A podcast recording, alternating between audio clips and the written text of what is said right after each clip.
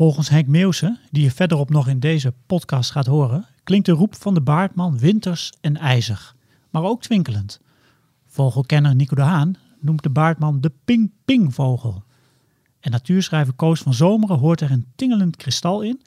En in de veldgids Vogelzang omschrijft Dick de Vos het geluid als zingend ijs. Veel geluiden dus uh, voor, voor deze baardman. En we hebben even een oproepje gezet op, op Facebook van hoe jij hem klinken. En uh, Bernadette Beekmans die zegt alsof er iemand plonkelt op een, op een strak gespannen draad. Paul, we hebben het al uh, de hele week eigenlijk over het geluid van, van de baardman. Met Timo en Henk hebben we erover over gemaild. Nu ben ik wel benieuwd hoe van jij dat die klinkt. Ja, het is een wat moet ik er nog aan toevoegen? Hè? Nou, ja. het, uh, het, valt niet mee. Om Kom maar op. Eerlijk te zijn. Maar ik heb natuurlijk ook iets verzonnen. Ik heb ooit gezegd van dat het misschien wel lijkt alsof een Swarovski-diamantje op de marmeren vloer valt. Maar daar kreeg ik al zoveel reacties op van hoe kan jij nou in godsnaam zeggen iets met diamanten, want die hebben jullie toch helemaal niet thuis. Dat klopt. Mensen hoeven bij mij niet in te breken. Het, uh, het is er niet. Nee, waar, uh, waar ik het uh, nog. Ik heb ik ooit eens een keer. Brak er een, een, een, ketting met pareltjes van mijn vrouw op een marmeren vloer in een museum. En dat, dat klonk toen ook met ping, ping, ping. Dat vind ik nog steeds een hele mooie omschrijving. maar ik moet eerlijk zeggen, het haalt het niet bij de voorgaande. Met name die met ijs, het in de winter, dat vind ik wel stoer. Zingend ijs. Zingend ijs, ja, dat is wel heel mooi. Want zo klinkt het ook echt. En uh, de meeste mensen hebben natuurlijk met baardmannen iets met de winter. Omdat je ze vaker in de winter ziet dan in de zomer. Uh, we leggen later nog uit uh, of dit echt zo is. Maar dat geluid, het is aan de andere kant ook wel de redding om ze te zien. Want je hoort ze gewoon veel vaker dan dat je ze ziet. En ze zijn gewoon heel snel, vliegen ze heel laag over het riet. Maar ze roepen wel heel vaak voordat ze gaan vliegen en vlak voordat ze landen. En precies dan kan je ze dus vinden op die roep. Dus eigenlijk is het gewoon je redding dat je daardoor die baardman uh, gewoon in je kijker krijgt. Duidelijk verhaal, Paul. We gaan snel naar buiten om te luisteren naar de baardman.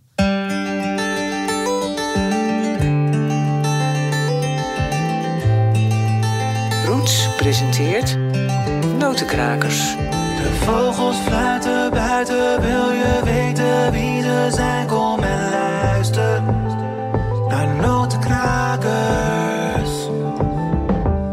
Welkom bij de podcast Notenkrakers. Mijn naam is Daniel Mulder en in deze podcast van november 2022 neem ik je mee in de wereld van de chilpende, zingende, piepende en kwakende vogels. En tijdens deze reis door de wereld van de vogelgeluiden is gelukkig ook altijd een roetse redacteur en collega Paul Beur aanwezig, die bijna alles weet over vogels. Um, Paul, je had net al even het bijzondere geluid uh, van de baardman. Iedereen wordt er helemaal lyrisch van. Mooie omschrijving ook. Maar zijn uiterlijk, die is ook wel bijzonder. Ja, zo bijzonder zijn geluid, zo apart is ook zijn uiterlijk. Want ze hebben hem ooit de baardman genoemd, maar eigenlijk is dat helemaal fout. Oh? Want uh, hij heeft helemaal geen uh, baard. Uh, hij heeft een, een, snor, een soort hangsnor is het meer. Dus ze hadden hem gewoon, ja, bakkenbaard zou ook kunnen. Bakkenbaardmannetje moeten noemen. Of hang snorremans. Maar ja, goed, het bekt natuurlijk niet. Maar waar, waar komt dat vandaan dan? Waarom heet hij überhaupt zo? Geen idee. Werkelijk geen idee. Dan vraag je toch vaak af van vogelnamen wie, wie dat ooit zo verzonnen heeft. Want hij, een baardmannetje heeft gewoon geen baard. Dus het, geen idee. Maar hij heeft wel iets anders, toch? Een beetje van die zwarte... Ja, hij heeft van die uh, afhangende... Uh, ja, zoals vroeger dat helemaal in was in de jaren 70, 80. Die, uh, die hang, hangsnorren en, en bakkenbaarden. Het is meer een bakkenbaard. Het zit aan de zijkant. Een baard zit onder, onder je kin. Ja. En daar heeft hij juist niks zwart. Oké, okay, een bakkenbaardvogel dus. Maar goed, ja, vind ik wel. We moeten daar gewoon voor gaan in de toekomst. En... Ehm, nou, mijn eerste ervaring uh, met baardmannetjes vergeet ik ook uh, eigenlijk mijn hele leven niet meer. Want vroeger, toen kwamen net die uh, Oostvaardersplassen op in begin jaren zeventig. Daar fietsten wij helemaal heen vanuit Amsterdam. En daar zag ik voor het eerst een baardmannetjesgroepje vliegen. En nou, dat weet ik nu nog. Zoveel indruk heeft het op mij gemaakt. Ze zijn echt prachtig. En is, uh, zijn ze allebei, uh, ons heet natuurlijk allebei, man en vrouw heten baardman. Ziet de vrouw, heeft, neem ik aan, geen bakkenbaarden, snorren, nee, hoe klopt, het nee, mannetje ziet er heel anders uit dan het vrouwtje. Het mannetje heeft ook een uh, hele mooie grijze kop en dan die, die hangsnor. Ze hebben wel allebei een heel mooi geel snaveltje en een hele lange staart. En het vrouwtje is, ik vind het nog steeds een hele mooie omschrijving. Die is beige gekleurd en ziet er eigenlijk uit als oud riet. Waar ze dus in vliegen. En dat, ja, dat vind ik nog steeds wel een hele mooie kleuromschrijving. Zij is, eigenlijk het hele lichaam is egaal eh, in die kleur. Alleen de vleugeltjes hebben ze allebei heel mooi zwart en een beetje roodbruin en wit erin. Dus als ze vliegen zie je dat vooral. En dan die lange staart. Het zijn echt eh, waanzinnig mooie vogeltjes om te bekijken. Nou, het levert in ieder geval mooie omschrijving op deze vogel. Ehm voor we verder gaan, eh, gaan praten over de baardman, gaan we eerst bellen met Timo Roeken van Vogelbescherming Nederland. Om te horen wat er gebeurt in Vogelland Nederland. In Vogelvlucht. Timo, goeiedag. Hallo lieve mensen. Dag, lieve Timo. Fijn dat je aanschuift. Eh, We zijn we toch gemild eh, vandaag eh, allemaal voor elkaar. Goed? Dat viel me al eerder op. Heel, heel goed. Ja, fijn dat je weer aanschuift in ieder geval om, eh, om onder meer over de baardman eh, te praten. Maar voor we dat gaan doen, ehm, jij selecteert altijd eh, twee vogels die jou zijn opgevallen om wat voor reden dan ook. En eh, nou, zoals gewoonlijk mag je zelf beslissen waar je mee wil aftrappen. Wat een vertrouwen hè. Ja, Mooi. nou, ik, eh, ja, er is één soort waar ik mee ga beginnen. En daar, ja, daar kan ik eigenlijk met geen ene mogelijkheid over, eh, omheen. En dat is de geelbrouwgors. Ehm ben je daar geweest, Paul? Nee, Timo. goede openingszin, Timo. Ja, het was zo druk Ja. dat ik kon niet. was, het, was het daar zo druk of had je het zelf heel druk? Nee, ik had het zelf een beetje druk, helaas. Oh, ja. Dus ik moest Ja. deze aan mij voorbij laten gaan. Ja, nou, het is, eh, het is niet de eerste keer dat deze soort in Nederland wordt gezien. Ehm, de eerste keer eh, werd de geelbrouwgors eh, op Schiermonnikoog oog gevangen door een ringer. Maar dat was, ehm, hou je vast, dat was in 1982, mijn geboortejaar. Zo. Dus dat, dat is eh, inmiddels 40 jaar geleden. Ah, nee, nog niet. Het is op dit moment nog 9. Nee, jawel, dat klopt. Nee, 40 jaar geleden. En ehm, ja, dus dit was ook eigenlijk de eerste keer dat vogelaars de vogel daadwerkelijk konden zien. En dus ook tellen op de befaamde lijsten, welke lijst je er ook op nahoudt. Maar dit is wel echt, een, echt een knaller van een soort. Het is een, eh, de geelbrouwgors is net ietsjes kleiner dan een, eh, dan een rietgors. Heel klein, heel klein gorsje dus. Met een lichtgele wenkbrauwstreep. En die werd gewoon op 21 oktober werd die, eh, gevonden in Tinalo, dat is in Drenthe.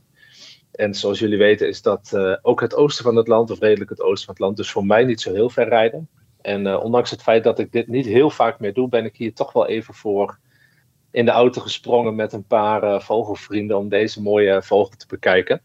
Stond je nou ook op die beroemde foto die bij de NOS voorbij kwam van al die vogelaars die van achteren werden gefotografeerd? Ja, dat zou kunnen. Ik was er niet op de eerste dag, ik was er op de tweede dag. Ehm, want zomaar alles laten vallen, ja, die, die tijd is wel aardig eh, gepasseerd voor mij. Eh, maar de tweede dag ehm, eh, stond ik er wel even. En ja, toen ik aankwam, toen zat de vogel er niet. Toen was hij uit beeld. Dus dan word je altijd wel een beetje zenuwachtig. Maar na tien minuten wachten landde de vogel vanuit de boom opeens weer aan de zijkant in de berm. En dat is eigenlijk wel de, de beste twitch eigenlijk die je kunt hebben. Dat hij eerst niet in beeld is en dan tien minuten later wel. Zeg maar. Dan heb je toch het, ja, dan is het niet heel makkelijk. En je hebt het gevoel dat je beloond wordt voor het feit dat je er naartoe gaat. Dus dat, is, dat werkt voor mij wel altijd heel erg goed. Ja, maar, En, maar, ehm, maar, maar als ik even, want het is bijna drie weken geleden dus, hè, en we praten er nu Ja. over, dan, dan moet het ook wel iets heel speciaals zijn. ja, ja, de vogel is inmiddels ook niet meer eh, ter plekke. Tenminste, hij is niet meer gezien daar. En volgens mij heeft hij er tot de 24ste of de 25 zo heeft hij er gezeten, maar een paar dagen. Het is wel, wat wel een beetje ironisch is, is de, de vogel is gevonden door een dame die daar regelmatig vogels kijkt. Die sprak ik nog even toen ik daar was. En die vindt het prettig om dan vogels te kijken eh, met, een minimale, met een minimale voetdruk. en eh, dan vind je toch iets, eh, zo'n hele grote knaller. En dan komen de mensen uit heel Nederland met de auto daarheen. Dus dat is ook wel weer, ja, er zit ook wel een stukje ironie in. Ik kan me ook voorstellen dat ze daar misschien wel enigszins van baalt. Dat ze de vogel dan toch heeft doorgegeven. Ehm, aan, de andere, aan de andere kant heeft het wel ontzettend veel mensen blij gemaakt. En eh, het is gewoon heel erg tof. Ik heb de vogel eerder gezien in China. Ehm, ook wat meer, maar dan, het is toch wel heel bijzonder om hem dan ook in, eh, in Nederland te zien. Ja, want even voor, voor, de mensen die dit eh, geheel gemist hebben, bijna onmogelijk, maar toch, het, het kan zijn dat het zo is. Wa- Wat, wat die geelbrug, want waar, waar komt hij van? Waarom is dit nou zo bijzonder dat hij in Nederland is gezien? Ja, het is een vogel die voorkomt in Noord-Azië. En het is een migrerende gors, dus die trekt eh, naar het zuiden eigenlijk een beetje zoals eh, onze ortolaan bijvoorbeeld ook eh, doet. Onze geelgors is, is daarentegen een echte standvogel. Hè. Die kun je hier het hele jaar zien. We krijgen wel een aanwas van meerdere geelgorsen in de winter uit het buitenland. maar die geelbrogors die trekt dus naar het zuiden, richting Zuidoost-China in de winter. En um, ja, dus de, deze heeft ook ergens weer, zoals we wel vaker hebben besproken, deze heeft ook gewoon weer ergens een verkeerde afslag gepakt. en is helemaal in, ja, je kan het je haast niet voorstellen als je dan in plaats van richting Shanghai gaat, dat je dan vervolgens in Tirnalo terechtkomt. Ja, het, het, contrast is soms heel groot. Dat is, dat is zeker groot. Maar is dit wat jullie betreft uh, de vogel van uh, 2022? We weten natuurlijk niet wat er nog gaat landen nee, tot aan oude nieuw. Maar, Paul heeft hem niet gezien, dus Paul heeft hem niet sowieso gezien. nee. Maar even, even helemaal objectief journalistiek gezien, Paul, is dit de soort van 2022? Ehm, ik denk dat die geelsnavelkoekoek bij mij uh, hoger in het aanzien staat. Maar ik heb ze allebei niet gezien, dus ik kan er niks over zeggen verder. Nee. En Timo, wat, wat denk jij? Is dit, uh, is dit de topper Ja, van het dat- jaar? Ik vind het wel lastig, dit zijn wel twee soorten die nu redelijk recent zijn gezien. Allebei echte, echte topsoorten uit, uit van ver. Maar ik kan me niet meer zo heel goed voor de geest halen wat er dit voorjaar aan, eh, aan knallers is gezien. Vol- Volgens mij is daar ook nogal wat. El- Eh, elke, knaller, el- elke knaller staat op zich, joh. Dus dit, dit is gewoon net wat je zegt. Als je dan eh, er nog niet is, dat hij aankomt en hij komt in die berm zitten en je ziet hem. Dat is gewoon een kick. En dat Ja. is eigenlijk het, die, waar we het straks over gaan hebben. Soort is ook gewoon een superleuke soort. Want die heeft, is weer heel anders. Die vliegt dan weer anders. En eh, eigenlijk is elke Ja. soort wel weer... eh, We, we kunnen de overstap maken naar, eh, naar, naar de volgende soort. Want welke is dat, eh, Timo? Ja. Ja, daar, daarvan wil ik niet de vraag hebben of ik hem heb gezien. Dus dan weet, dan weet je dat vast, Paul. Want eh, de fale gierzwaluw gaan we het nu over hebben. En die heb ik dus niet gezien. nou, ik, heb hem, in- die- ik, ik heb er maar drie of vier. Dus dat valt ook wel weer mee. ja, ja en, dat, en, en dat komt dit jaar dus. Eh, de fale gierzwaluw is een, een, een, een gierzwaluwsoort. En voor de duidelijkheid, een gierzwaluw is geen familie van de zwaluw. Eh, heel verwarrend allemaal. Maar de gierzwaluw, eh, de gierzwaluw is wel familie van de gierzwaluw. Lijken genetisch gezien ook wel heel erg op elkaar. omdat het familie is. en ze zijn qua uiterlijk ook nog wel lastig uit elkaar te halen, vind ik. De eerste fale gierzwaluw werd volgens mij op Vlieland 2006. gezien. Ja, 2006. 2000 ja, 2016 dacht ik. Zes. Maar misschien, eh, oké, zes. Eh, maar was er Vlieland in ieder geval. En het was echt een kwestie van tijd voordat hij eh, naar Nederland kwam. Een soort broed in het Middellandse zeegebied in Noord-Afrika. Daar heb ik ze wel gezien. Ik heb er in Nederland nog nooit eentje gezien. Maar dit jaar was er eigenlijk in heel Noordwest-Europa eigenlijk wel een invasie aan. eh, eh, ja, die kon je waarnemen. En op, ja, er waren gewoon plekken waar, ja, Paul zegt het al, er waren gewoon plekken in Nederland waar gewoon meerdere exemplaren zaten. Volgens mij is zelfs een keer een groep van negen of tien ergens op Texel. Ja, Ja, echt, echt waanzinnig. Ja, en, en zijn ze nou nog steeds eh, eh, waar te nemen of niet? Nee, nee, nu niet meer helaas. Ehm, ja, of wel. Nou, dat, dat zeg ik wel heel gemakkelijk, maar Gisteren, kunnen. Nog, gisteren nog één, Ja. dacht ik. Ja, nee, dat zeg ik iets te snel. Ik kan, eh, volgens mij, wat wel heel erg leuk was, op 10 november werd erbij, kreeg, stond er een foto op waarneming.nl van iemand die had een gierzwaluw in huis. Dus die zat voor het raam. Die was dus ergens naar binnen gevlogen. En dat was ook een vale gierzwaluw. Dus die had gewoon een vale gierzwaluw op de vensterbank zitten. Dat, die Ja. foto staat wel op waarneming.nl. In Amsterdam zelfs. Ja, in Amsterdam, Ja. gewoon in het centrum volgens mij. Ja, Bijzondere, bijzondere soort. Maar ik wil het met jou nog even over, eh, over de hoofdsoort van deze eh, podcast hebben, de baardman. We Mhm. hebben aan het begin Ja. uitgebreid eh, gehad over het geluid wat hij produceert. Bijna iedereen hoort er iets anders in. Ik ben eigenlijk benieuwd wat jij hoort als je de roep van de, want we hebben het over de roep hè, van, de, van de baardman. Als, als je die Ja. hoort. Heb je daar een associatie hoorde- mee? ik hoorde een soort van vaag belletje op de achtergrond. Voor mij is het meer een belachtig geruit, een soort van gerinkel. Eh, zo, ik, ik hoorde geen diamanten in, maar dat eh, komt misschien eh, door, door mijn geboorte. Ik ben niet met een zilveren lepel geboren zoals Paul dat is. Maar eh, nee, ik hoorde wel meer een bel in. Een heel klein belletje wat, heel, wat zich heel snel achter elkaar volgt. En voor mij is het wel een heel speciaal geluid, ondanks het feit dat ik al heel lang met mijn verrekijk buiten loop. Was het vroeger nog wel best wel een kunst voor mij om die soort te zien. Want ik woon op de hoge zandgronden in het oosten. En daar zitten ze gewoon echt bijna niet. Dus ik moest echt naar de Oostvaardersplassen of ik moest naar het Lauwersmeer. Allemaal van die grote gebieden. Ehm, en tegenwoordig zie je ze wel vaker. Ik heb een heel klein gebiedje waar Paul ook wel is, is geweest, dat wat over heeft beschreven in de roots, het kristalbad. En daar heb je wat, uh, wat rietkragen en zo. En daar, ja, eigenlijk jaarlijks zitten wel één of twee. Ja, dan loopt ook bij ons heel de regio uit om foto's te maken. Maar um, een mooie associatie, maar je ziet de vogel dus, uh, uh, dus niet zo vaak. Heb je verder nog Nee. over de baatman een, uh, een opmerkelijk iets? Of zeg je van, wow, dit, dit was hem wel? Ja, nee, ik kan me wel, ik heb wel een mooie anekdote. Toen ik heel jong was, ik, ik, ik had toen de tijd allemaal bandjes, had ik. Die luisterde ik dan de hele dag op. naast mijn Michael Jackson en Tour Limited bandjes stonden dan ook de bandjes met alle vogelgeluiden. En daar zat natuurlijk ook de baatman bij. En die, die draaide ik, ja, zo, zo oefende ik al die geluiden en ook geluiden van soorten die bij ons gewoon niet in de regio te zien waren. Um, en ik kan me nog herinneren dat ik toen voor het eerst in de Oostvaardersplassen liep. En ik wist dat ik daar een kans had. Ik denk dat ik tien was of zo, of negen. En um, ik wist dat ik daar een kans had op baatmannetjes. En toen liep ik door die schotten heen richting zo'n vogelkijkhut. En toen hoorde ik opeens overal achter die schotten hoorde ik dus Baatman. Dus dat, en, maar goed, ik, was, uh, ik, ben, uh, ik ben twee meter, maar toen was ik uh, misschien één meter.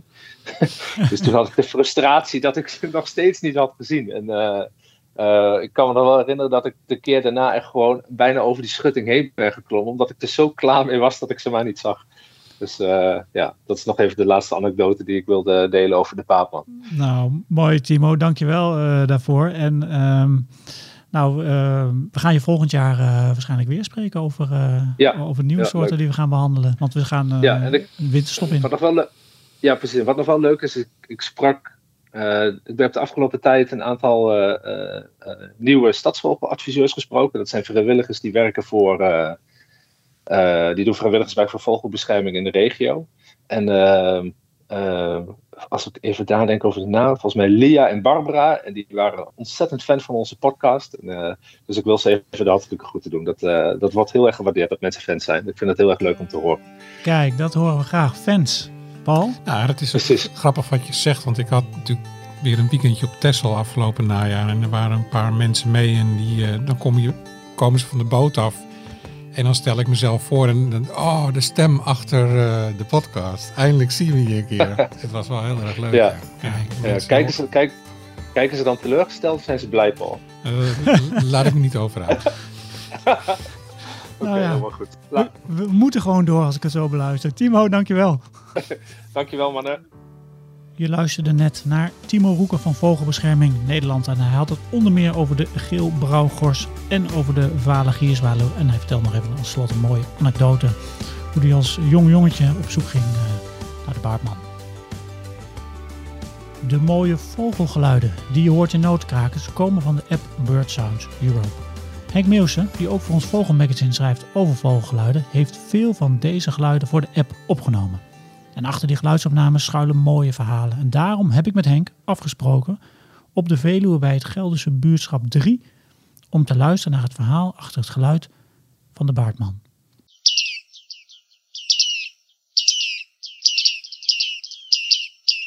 Henk, wat hoor jij hier allemaal? Nou, ik hoor vooral een vogel die mij uh, zo ongeveer anderhalf jaar lang heeft genegeerd. Ik heb de, vogel, ik heb de geluidsopnames gedaan van de Nieuw Wildernis. Hè?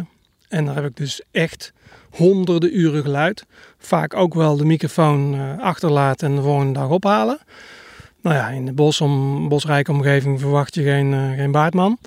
Maar die microfoon heeft ook vaak in het riet gestaan. Ik heb vaak in het riet uh, vertoefd. Hij zal er vast als ik erop heb gestaan op de achtergrond. Maar het is nooit gebeurd dat gewoon, zoals met een roerdomp wel kan gebeuren, met waterhallen sowieso wel, dat ze om, om je heen zitten te roepen. Baardmannetjes zijn nooit langs mijn microfoon gekomen. Dus dit geluid dat we nu horen, die is niet van jou? Nee, nee, dat is goed dat je het even zegt. Het is van uh, René Wanders. Ik, uh, ik, vind het leuk om mooie opnames te maken. Ik kan heel erg genieten van mooie opnames van anderen. Dus voor de app gebruik ik ook uh, geluiden van anderen. Ja, als ik dit dan hoor, dan denk ik, ja, oh, ik wil eigenlijk die baardman ook wel eens een keer opnemen. Maar het is niet een soort waar je... Kijk, je kunt natuurlijk gewoon... Um, nou, ik weet niet. Je, gaat niet zomaar naar een gebied even een baardman opnemen. Je weet dat ze er zitten. In de winter vaak ook wel. Hè. Dan uh, zijn van die groepjes die rondtrekken door, de, door het riet. Maar het is niet zomaar, ik pak mijn microfoon en ik ga naar dat gebied en dan ga ik eens even een goede opname van een baardman maken. Want ook al weet je waar ze zitten, zo makkelijk is het niet. En nou ja, wat ik net vertel, als je veel in de Oostvaardersplassen bent, wat ik tot overmaat van ramp gisteren nog even in een boek las. Het is gewoon het bolwerk van de baardmannen. En ik ben daar, ik weet niet hoe lang, en ja, dan ga je toch bijna persoonlijk aantrekken. Ze hebben mij gewoon genegeerd.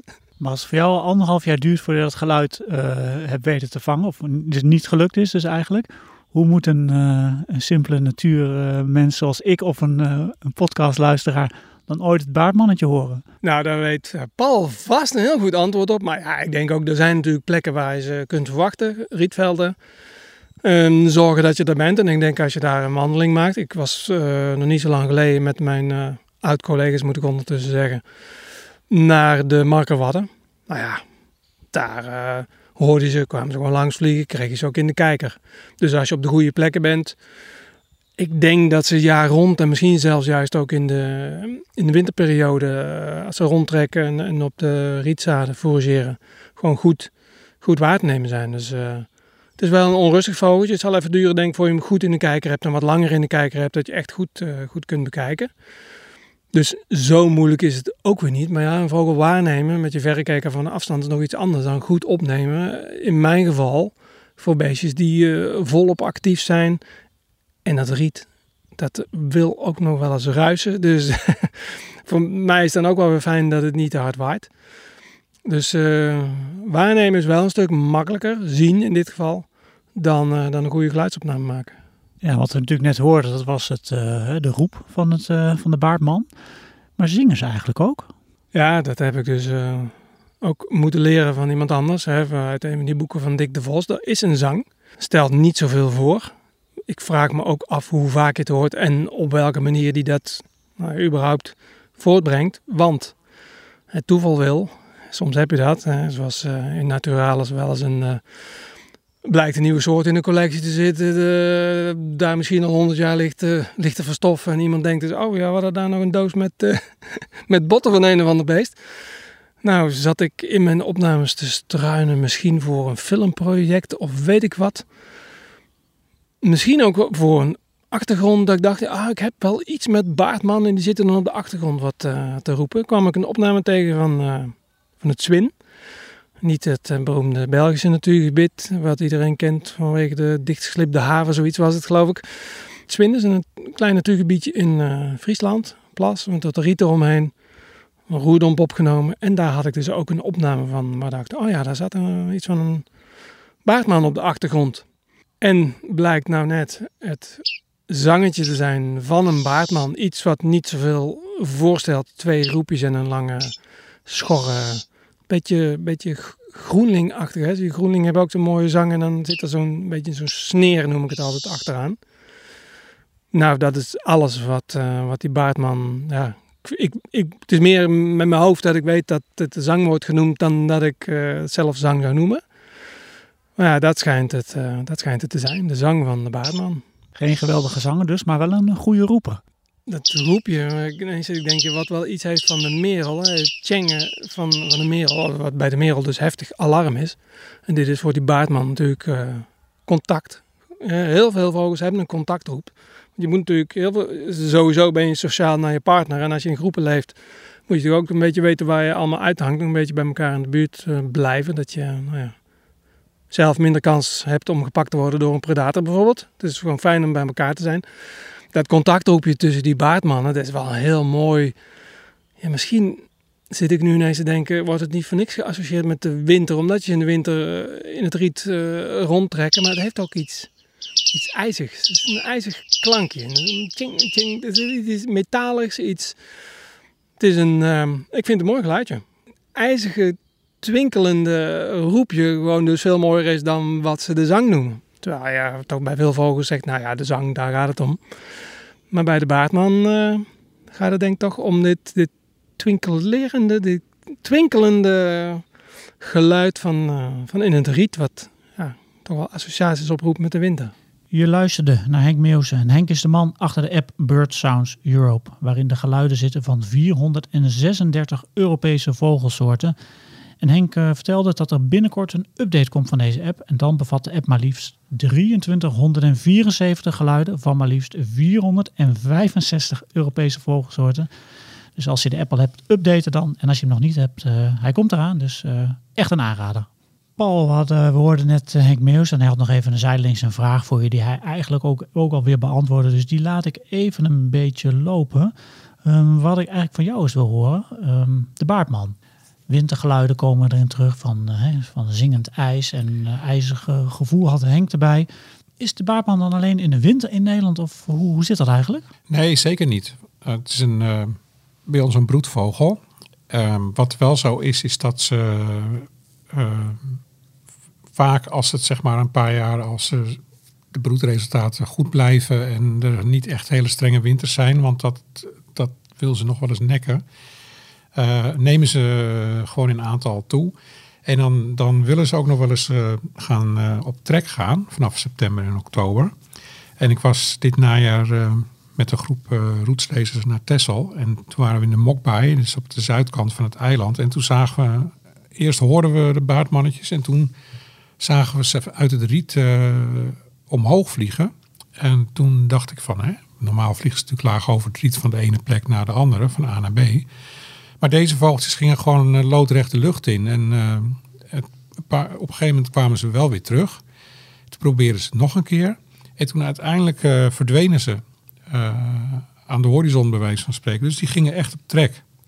Dus het is dus wel zo dat, eh, dat die eh, baardmannetjes, als ze zeg maar uit hun, hun broedgebieden, als die overloop wat te groot wordt, dan, dan gaan ze wel eh, verder kijken. En dat doen ze vaak in groepjes. En zo komen ze dan op eh, plekken terecht waar ze normaliter niet zitten.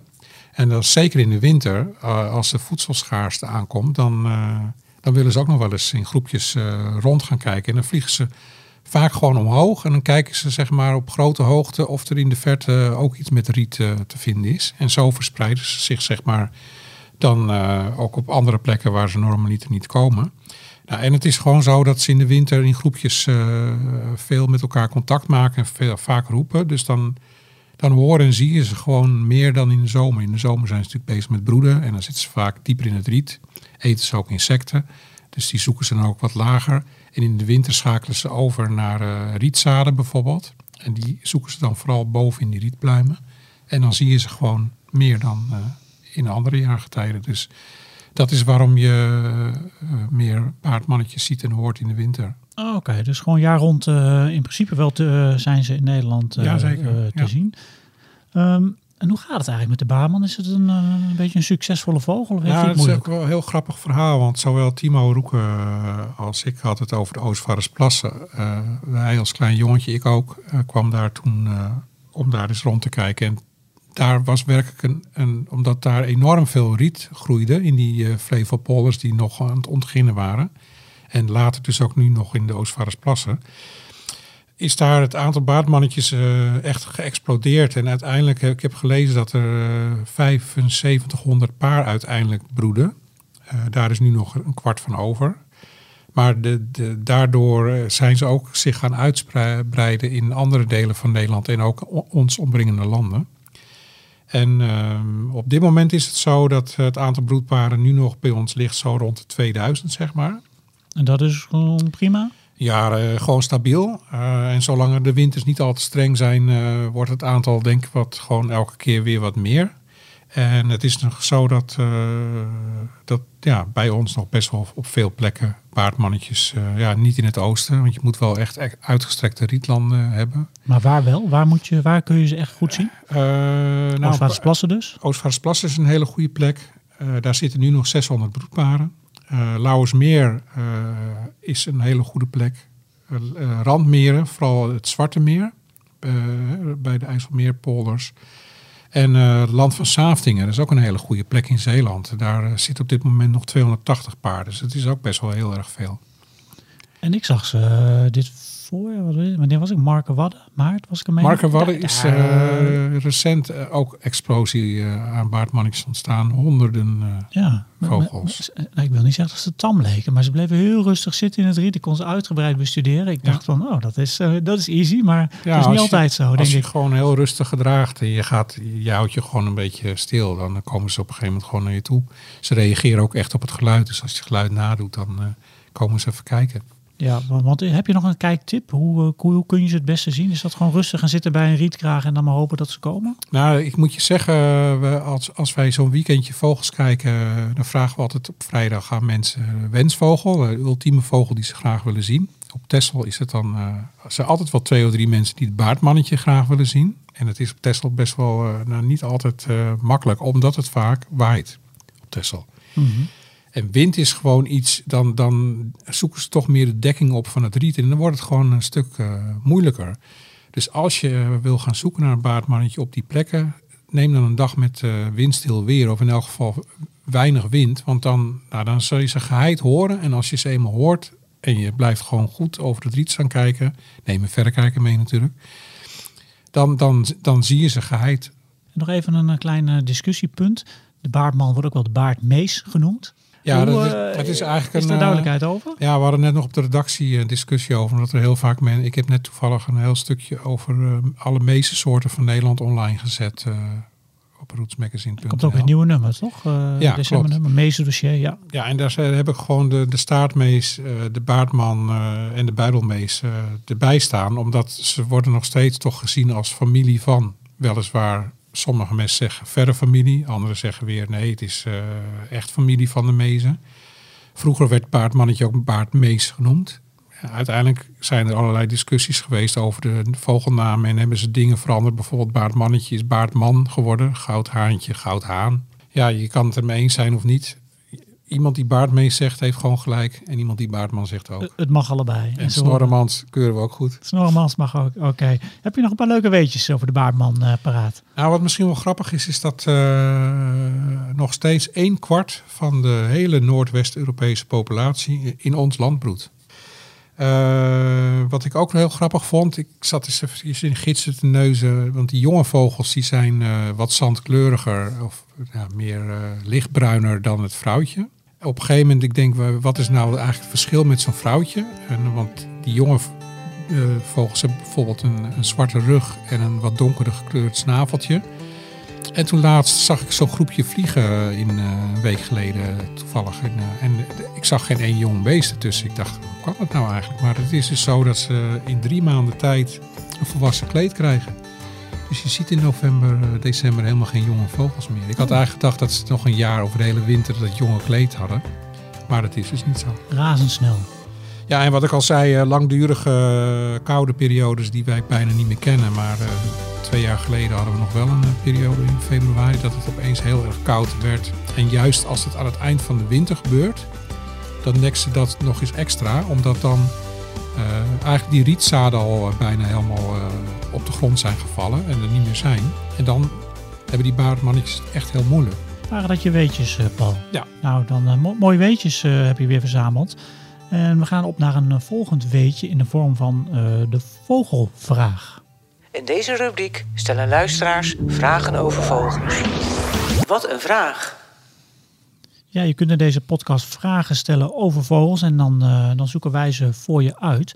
Ehm, ik heb het nu een keer iets anders aangepakt. Eh, ik heb eens even onze scheurkalender eh, doorgebladerd. Met daar zijn 365 natuurweetjes in, ook vaak over vogels trouwens. En ik zag dat eh, in de scheurkalender van dit jaar, en precies vandaag, staat er deze stelling. De groene specht wil geen vorst in de grond. Maar waarom eigenlijk niet, Paul? Weet je dat? Nou, dat komt omdat de groene specht zijn voedsel niet in de boom zoekt, zoals veel andere soorten spechten. Maar hij zoekt zijn eh, eten op de grond. En groene spechten leven van eh, insecten en dan vooral van mieren. En ehm, die Ook in de winter. ook in de winter. Het blijkt, ik wist niet dat dat zo was, maar eh, bepaalde mieren komen blijkbaar ook in de winter gewoon voor. En dan heb je het bijvoorbeeld over de wegmier, de houtmier en de gele weidemier. Ik kende ze, de wegmier kende ik wel, die andere twee niet. Nee. En ik zag ook nog een heel grappig weetje dat eh, groene spechten altijd dezelfde slaapplek gebruiken. En dan eh, laten ze dus eh, hun keutels vallen. En die zien eruit als, moet ik even goed kijken wat ik ook weer, de, het assenstaafje van de sigaret, zeg maar. Zo zien ze eruit. En als je dat dan openmaakt en je bent een kenner van mieren, dan vind je daar drie tot vier soorten mieren in. Oké. Ja, Er zijn nou, mensen die dat doen. Er zijn mensen die dat doen. Ja. Jij niet? Nee, ik heb nog nooit een eh, slaapplek van een groene specht eh, gevonden en al helemaal nooit een, eh, een keutel. Nee. Maar ik ben nu extra gemotiveerd om de komende weken daar eens wat uren in te gaan investeren. Ja, het is toch mooi dat ik af en toe aan het werk zit hè, met dit soort vragen. Dan ontdek je weer allemaal nieuwe dingen. Dat zeg ik maar. Nou, ehm, mooi, mooi antwoord, Paul. Ehm, nou, deze vraag die kwam dus uit onze Roots scheurkalender van, van dit jaar. Maar we hebben ook een nieuwe scheurkalender gemaakt. De Roots scheurkalender 2023 heet die. En die is voor 17,50 euro te bestellen via onze website rootsmagazine.nl. Notenkrakers. De geluiden die je in deze app hoorde, die komen van de app Birds Sound Europe. Ik had het er al even over. En er zitten geluiden in van maar liefst 436 vogelsoorten. Ook brengen we twee keer per jaar het Vogelmagazine uit, die Paul het mooi in elkaar zet. Samen met de collega's natuurlijk.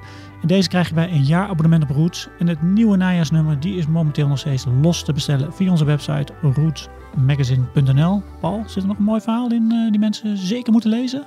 Weet je dat uit je hoofd? Of stel ik nu een hele eh, onverwachte vraag? Weet je wel, hè? hè? Steppenkiekkendief, hartstikke mooi. EHBO-tips voor als je vogels in nood vindt. Ja, Ah, heel al- veel leuke verhalen. Alleen maar mooie verhalen eigenlijk, hè? Ja. En eh, als je denkt van nou, eh, prachtig het volgende magazine, maar ik wil eigenlijk ook Roots lezen. Nou, je, kunt hem ook, je krijgt hem bij een abonnement op Roots. Dus ehm, neem een abonnement en je krijgt het Vogelmagazine erbij. En eh, nog als laatste ding, misschien leuk als tip nu de winter of de decembermaanden eraan komen. De feestmaanden wil ik eigenlijk zeggen. Het boek Vogels in onze tuin, gemaakt door Paul Beuren, die hier trouwens met een Formule 1 pet op zit van eh, Max Verstappen. Het is een heel bijzonder, eh, bijzonder gezicht. Ehm, die heeft Paul geschreven, samengemaakt trouwens met kunstenaar Erik van Omme. Allemaal tuinvogels, hè Paul? Ja, wat nog even leuk te melden is dat Erik een nieuw boek heeft over zijn eh, de, de kunstenaar op, op reis. En daar, daar schrijven wij over in het eh dubbeldikke december-januari nummer. Dus dan krijg je alvast een voorproefje. Kijk, mooi. eh, dat belooft ook weer een, een mooi boek te worden. En dan gaan we natuurlijk, eh, ik zei het net al even, we gaan de winterstop in met, eh, met deze podcast. Maar volgend jaar zijn we weer terug. En dan gaan we het over een, een tuinvogel hebben, namelijk, Paul. De koolmees. En dan gaan we het over het overbekende, althans voor mij. Ik, ik, ik hoor het eigenlijk altijd, ik kan het niet meer, niet meer niet horen, maar dat klinkt zo.